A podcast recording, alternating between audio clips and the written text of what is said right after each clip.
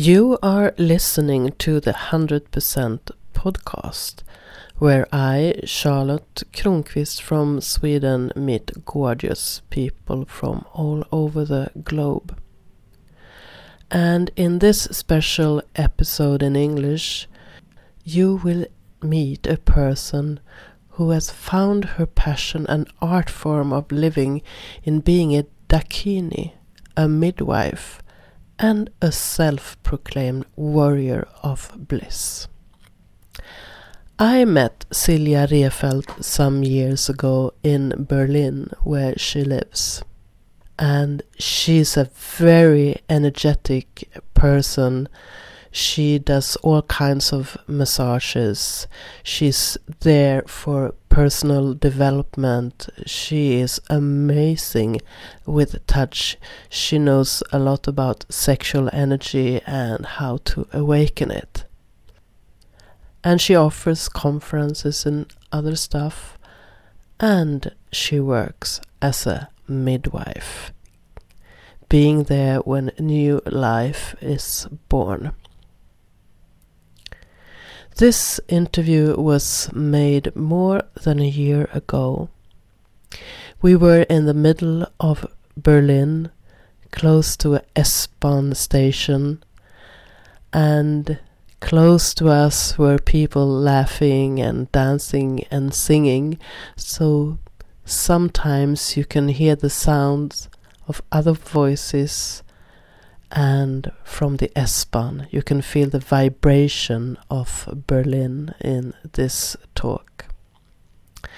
So welcome to meet Silja Refelt, Warrior of Bliss. I'm sitting here with Silja Refelt in Berlin at something I call the base, and I'm so happy to meet you here, Silja. I feel welcome, and you are welcome.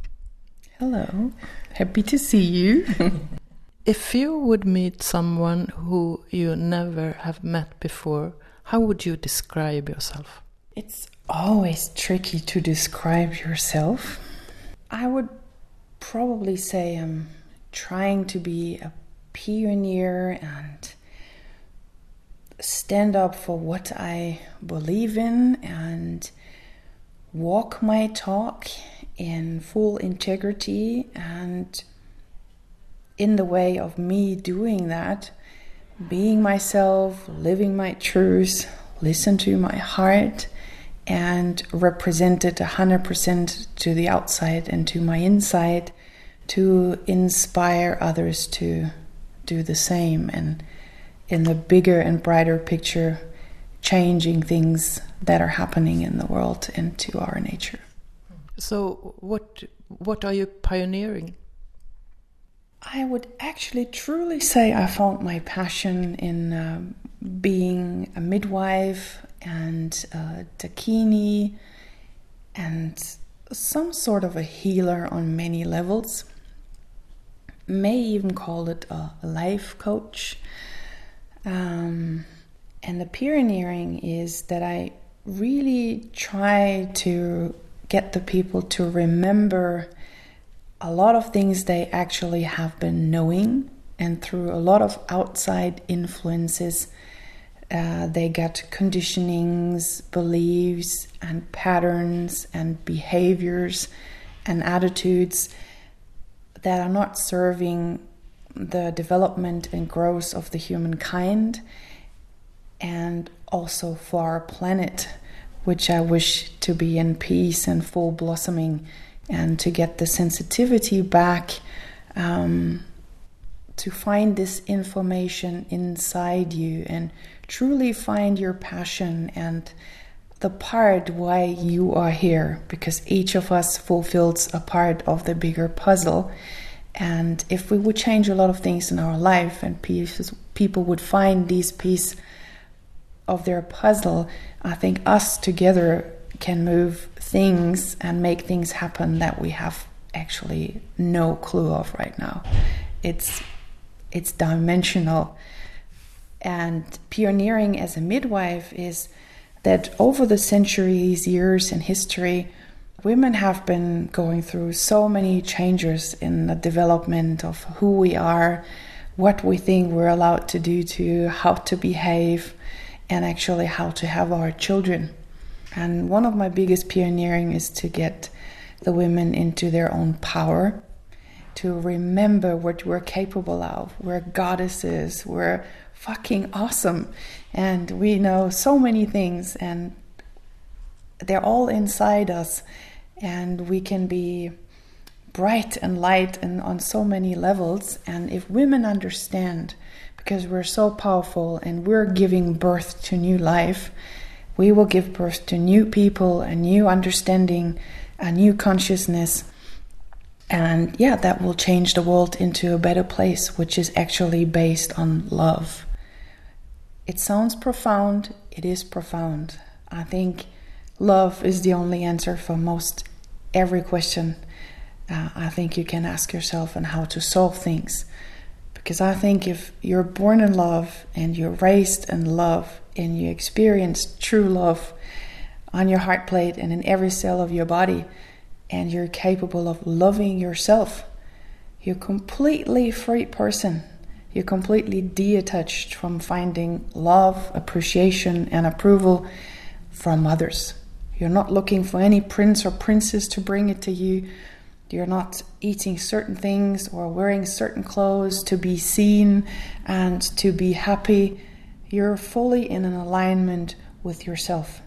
And that makes you aware of so many things um, on this planet. And we would take care of nature and of our resources. And we, there would be no, no need to fight wars or, yeah, even find each other there will be love and some kind of oneness. So, what tools can you use to help a person to, to get in contact with more love? First of all, I offer people my love, my space, my energy, and my toolbox. I'm not a magician and I can't do anything for everybody that they're not willing to do themselves. It's more or less trying to activate their self healing mechanism. And it's also important to understand there's not only one way, there are many ways. And I try to pick the people up where they're at at the moment.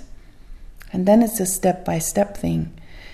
And it includes some kind of techniques that are called de armoring, working with trigger points and basically remove contractions, blockings, layers of stuff we have been suppressing, mostly in the body, in the body mostly emotions, um, experiences, and in our uh, neurological system imprints we have received in the void, in the womb of our mother, through our early childhood, which actually made us into what we are right now. Plus, the cultural conditioning from the outside, maybe religions, uh, traditions and stuff we grew up in. And I do it outside the body in an external way. Um, I also do it from the inside, like working inside the vagina, for example. Um, yeah, removing layers so that people have full access to their power and energy flowing through their body to remove blockings and um, and maybe masks and layers we have been creating also to actually hold us back from what we're actually capable of. Some people know, some people don't know, but really passing on keys to bust through that uh, armor you basically build around you. And there's breath involved, there's uh, psychotherapy involved, there is family constellation involved.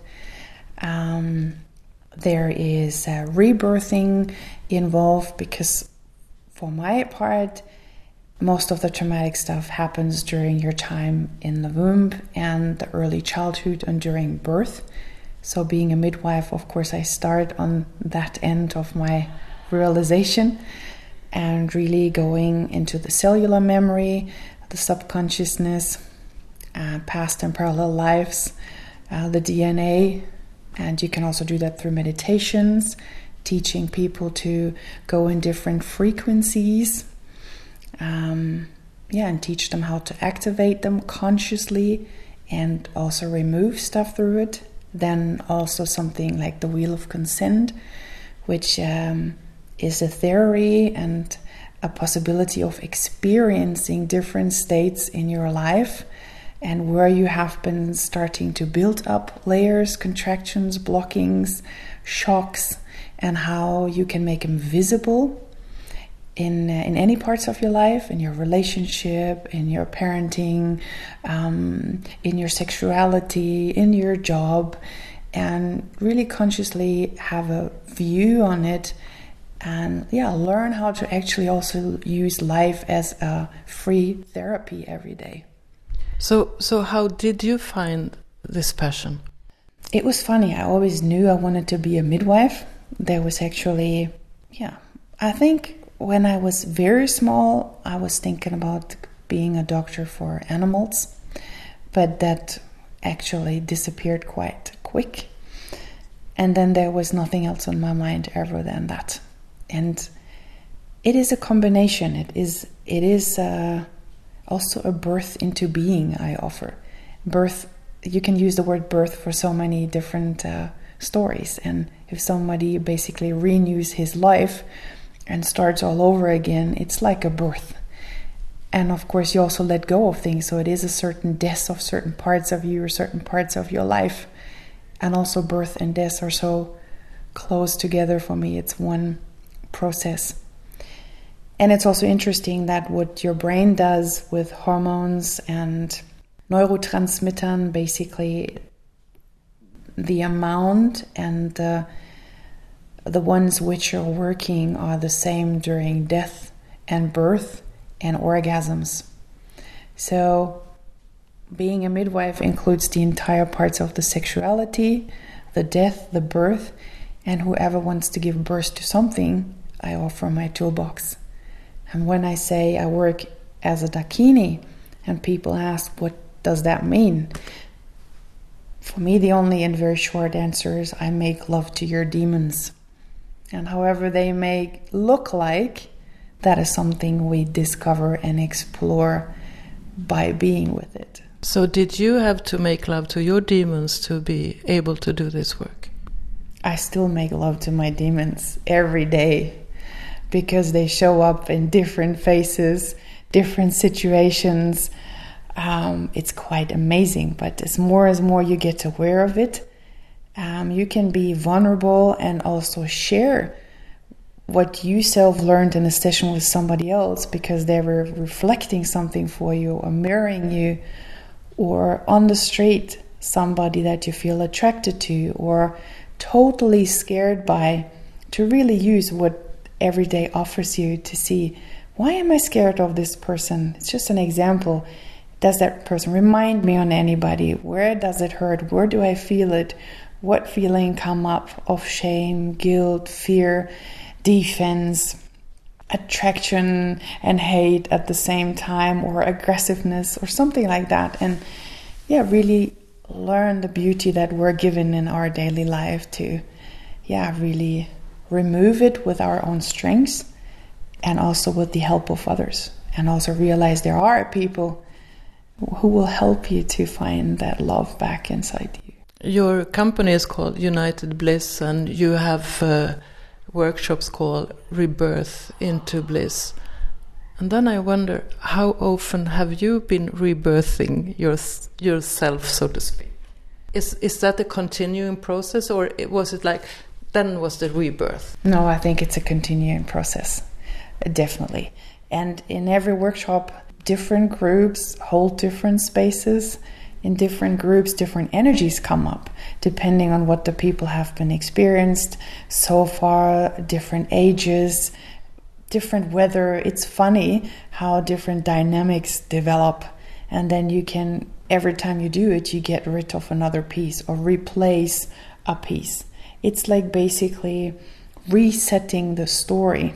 You can basically reprogram your cellular memory, your blueprint, so you might say. Um, yeah, and really create a new story, which is even more important by developing generations based on love. because a lot of women, as I observed now almost 20 years in my work, recreate their own birth with their first child. How is that?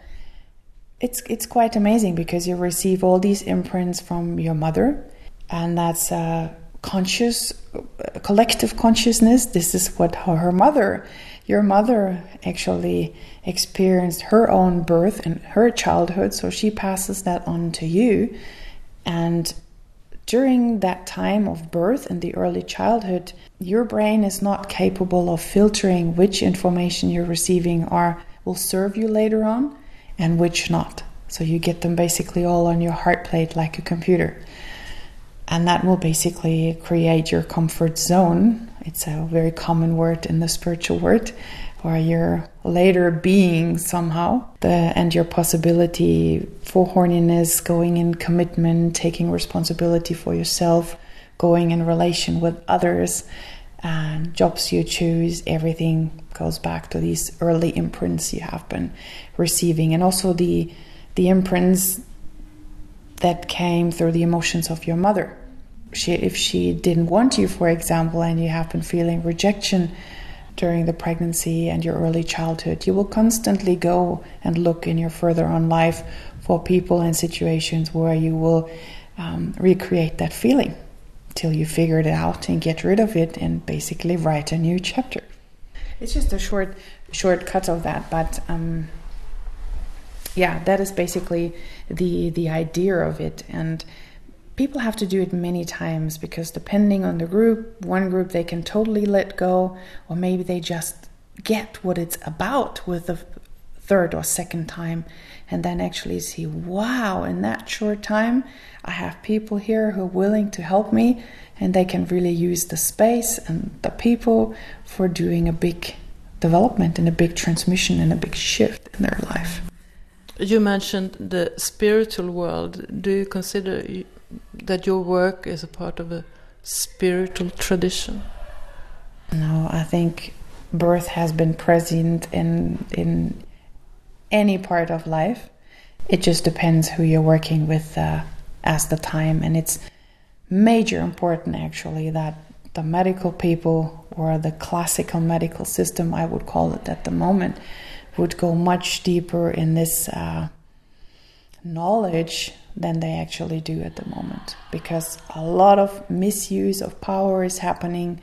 Um, it's a lot about fear, manipulation, interference, and it's so terrible at the moment that it really breaks my heart seeing how this development has been in the last years. And it's still under the roof of being the best for us, you know, but actually it's all about creating new sheeps, followers, and soldiers, because that's where we need to start. If we have people being born traumatized, not in the capability of loving themselves, that's what we get sheeps, soldiers, and followers. Sometimes I feel about uh, I think about the film The Matrix, where almost everyone is within the matrix, and then there are some people outside and say, uh, "Hello, you are sheep." Is is that an image that you would use for for your position? Yeah, I feel definitely outside the matrix. And I definitely feel a lot of times on that spot to decide if I take the red or the blue pill. Will I keep fighting or will I just be one of them? Because it's a hard position to be in, to always be the one that questions, to always be the weird one, or to always be the one when everybody goes right to go left. It's it's not the easiest way, definitely not. But then you come back to your own truth. And I want to look in the mirror in the morning and be able to look in the mirror because I know what I did was my truth. And um, yeah, I took 100% responsibility for myself and for my actions and what I do. And even if I can't tell people constantly that they do something wrong, I try to be there and do it different. And they will watch me, and they will watch me, and they will watch me. And at the end of the time, for example, question come. Like when they see, okay, 90% of my women, for example, have no epidural. It will show on the statistic at the end of the year. And then they come back to you and ask you, why is this with you like this and why it's with the other person like this? And these are the spots where people are open for uh, changes and solutions. But the medical work, like I said, a lot of things could be prevented when people would wake up and know that they're damaging people with their action, damaging people with not taking care of their self, not taking responsibility for themselves, working with shame, fear, and uh, a lot of pressure. They really manipulate people in a certain way because they have not taken care of their own shit. That is really, especially in in the gynecology world and in the places where you give birth. And I, I think you can extend that to, to, to most areas that I mean, the school to to to, to a big extent is there for to, to make sheep, yeah. so to speak. A person like you, are you considered like dangerous for people who wants the matrix to to be there? I've been called many things, which weird, dangerous. Yeah, it's it's interesting how people get triggered when you just say your own truth.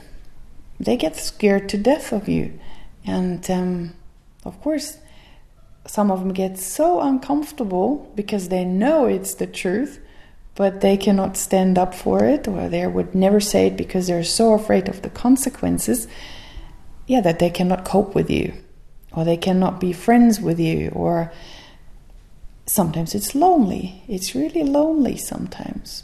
Yeah, you can also see the beauty in it because the people who do engage with you and do love you as you are, it has it has a dimension of different quality than the people who just there because yeah, they're somehow have to be or yeah, some people come to you because you represent something they're afraid of, which is okay because they face their fears. So it's interesting the places you work at. The people usually like what you do and fear you the same, yeah, fear you the same in the same amount. So I think sometimes they like to have you around to know what you're up to. and on the other hand, they would like to get rid of you because you stir up people the whole time because you question and uh, you refuse to do things and um, yeah do you have an idea that it's a certain meaning with life? You mean in general or? Well for you specifically. Is there a meaning with your life? Are you supposed to like do serve in a special way? Mm, yeah i feel like yeah, actually feel in an alignment with the spot where I am. I mean, all of us do actions, and that's how we learn. I always say wisdom comes with experience. And of course, in certain positions, I have put myself to figure things out. Can I really do that? Or I take certain situations to the max to be able to let go of it. Or I put myself of course, in situations like everybody else, to receive love, appreciation, and approval, and to feel seen. Otherwise, you would get no clarity about that if you have not been there, I would say. So, I'm not different than anybody else. It's just like some of us are more aware at the moment than others, and we try to provide space and maybe a bigger toolbox because we had more time or choose to spend more time on our personal growth and um, filling that toolbox with new information and then sharing it with others. What what role do you think that sexuality plays in, in personal growth? Well, going back to the German with a big smile, to Reich und Jung, I actually believe what they said. I believe almost everything we do goes back to somehow of a sexual trauma we had in our life. I would say 98%. Is that one of the reasons why people get so upset when you when you work uh, or, or speak about sexuality? yeah, it's funny, you can give it many names, but as soon as it's actually the word sexuality, it's so triggering for so many people. It's it's intimate, it's uh, pornographic, it's dirty, it's all kinds of things. It's really funny what I mean. It's a medical term, but what people make out of it and how they interpret that. And if you give it another name, it's okay to speak or to write about it. But um, yeah, to just be clear and honest, it's it's still tough. It's still interesting how people uh, perceive that. So, if 98% of us have kinds of sexual traumas, what would happen if, let's say, 10% of us were healed? Well, I would hope they they spread it like a virus, and um, yeah, they. I mean, if a man ever makes love to women who is in her full power, and she can move, she can sound, she's juicy, she's in the element of water, and she's one big river that takes him away into dimension he has never been before. Nothing heard, no moaning, bitching, no complaining. I don't need to explain anything. That guy will never go somewhere else. Or he will constantly now look for women who are able to do that. And then he will realize there are only a few. And then I hope he goes and finds out how he can how he can make them be like that. And that's like a bushfire. Mm. If you felt that once, how life can be, and how having um, such a sexuality will affect everything in your life. If you have this experience with somebody, it's like you're in love for a week, but 24 7, 365 days a year. You just walk around, you're inspired. Time is what is time? Time just disappears. Everything, you probably all know that feeling. Everything goes easy. Work goes easy. You just plant a tree, you fix your car, you paint your room, and things, wow, I have still life and inspiration left. And you make love to life, you make love to your children, you make love to your job. And I think a lot of people around you can can see that light in you and they come up and they would say, I don't know what you take or do, but I want that. It's like Harry and Sally. and and that is something I think we need to do. If we are in our own power and our own truths, it will affect people around us and it will inspire people around us. Let's say a person who listens to this uh, gets a bit uncertain if if we say sexual energy. How would you explain what sexual energy is? Yeah that's a good that's a good question because that also maybe is something that people are afraid of i'm also certified in traditional chinese medicine and acupuncture and the midwifery of course and now also working at the university with something with tantric science. So I have a lot of access to different cultures, different meanings, different yeah, scientific proof or however you want to call it. A wonderful frequency how you can be in in a mindless space would called a theta frequency. There's also therapy, it's called theta frequency therapy. Um, that's accepted for people because frequency alone sounds a lot less scary than sexual energy or kundalini is sexual energy. Kundalini yoga, a lot of people do that. Or chi, that's life energy, that is sexual energy, that is the strongest energy of our body. Yeah, so it's our life source energy. That's all what makes us, what drives us, which makes us breathe in every decision we do. So you can give it different names. If you feel more comfortable, call it your life source energy your your mojo. if if you meet a, a, person, can you see to what extent they allow their their life force energy to to to be alive? Yes, you can. I mean, just by observing over the year and leaving space for observing, coming from the traditional Chinese medicine, I can look by the color of their skin. I can look by the look of their skin um, how their breath smells, how their sweat smells. I can see, okay, in which parts of bodies they probably need to take care more or where they have the detox or where there's maybe a major other medical problem, then you can see how people move. If they're totally stiff, they're very flexible. How they dance? Do they dance at all? How do they dance? Are women able to move their hips? Um, very important part. Can they look in your eye? Um, the body language, or where the shoulders can they go back? Can they be pride and present, or are they all cricket and try to be invisible or hiding or mumbling, or can they speak up? You can hear the sound of their voice, um, their articulation. Um, yeah, I mean, I could go on and on and on, but if you really take the time, it tells you a lot just observing a person and listen.